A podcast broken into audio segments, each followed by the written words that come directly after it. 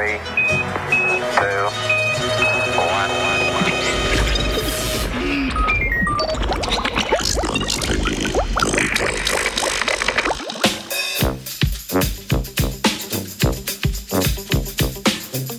Kako podnebne spremembe vplivajo na podzemne ekosisteme?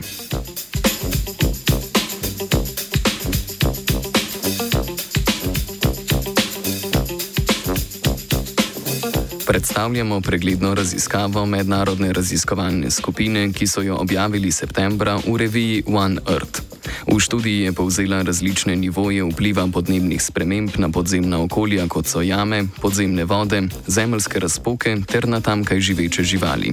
V ta namen so pregledali 347 skupin podatkov različnih študij.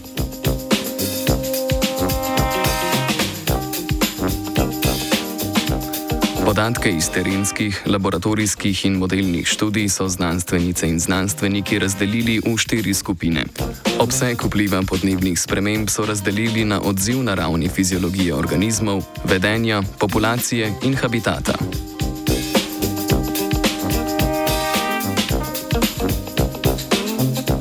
Znanstvena ekipa ugotavlja, da se v podzemnih habitatih vse pogosteje pojavljajo zunanje vrste, torej vrste, ki za svoje preživetje niso vezane na podzemne ekosisteme in primarno bivajo na površju. Podzemni ekosistemi jim namreč nudijo neke vrste termalni refugi pred temperaturnimi spremembami, ki se odvijajo na površju.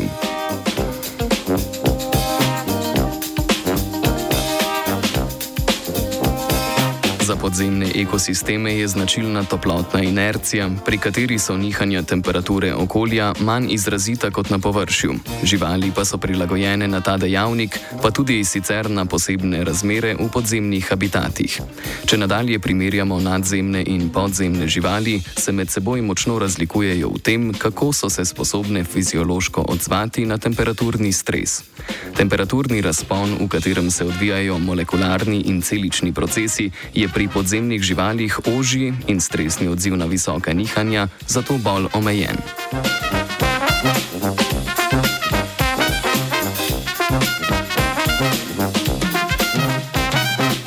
Kaj pa vpliv spreminjanja podnebja na habitatni tip podzemnih vod?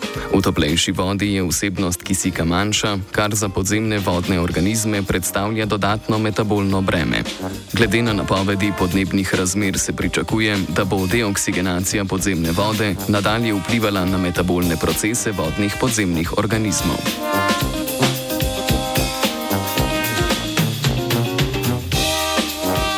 Preučenih študijah še niso zapazili izumiranja vrst, vendar predvidevajo, da bodo vse manj ugoden habitat, težje prilagajanje stresnega odziva in manjše zmožnosti seljenja vodile do lokalnega izumrtja vrst.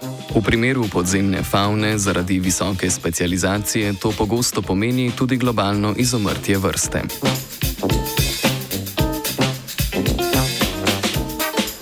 Znanstvena ekipa poudarja, da so preučene študije predvsem kratkoročne, manjkajo podatki o dolgoročnih vplivih podnebnih sprememb.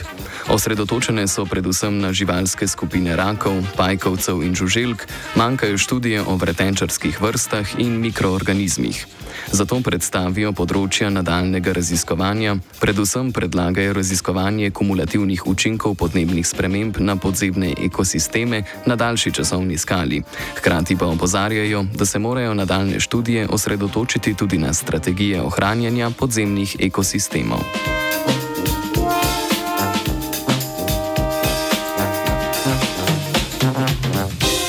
Pisala je Klara.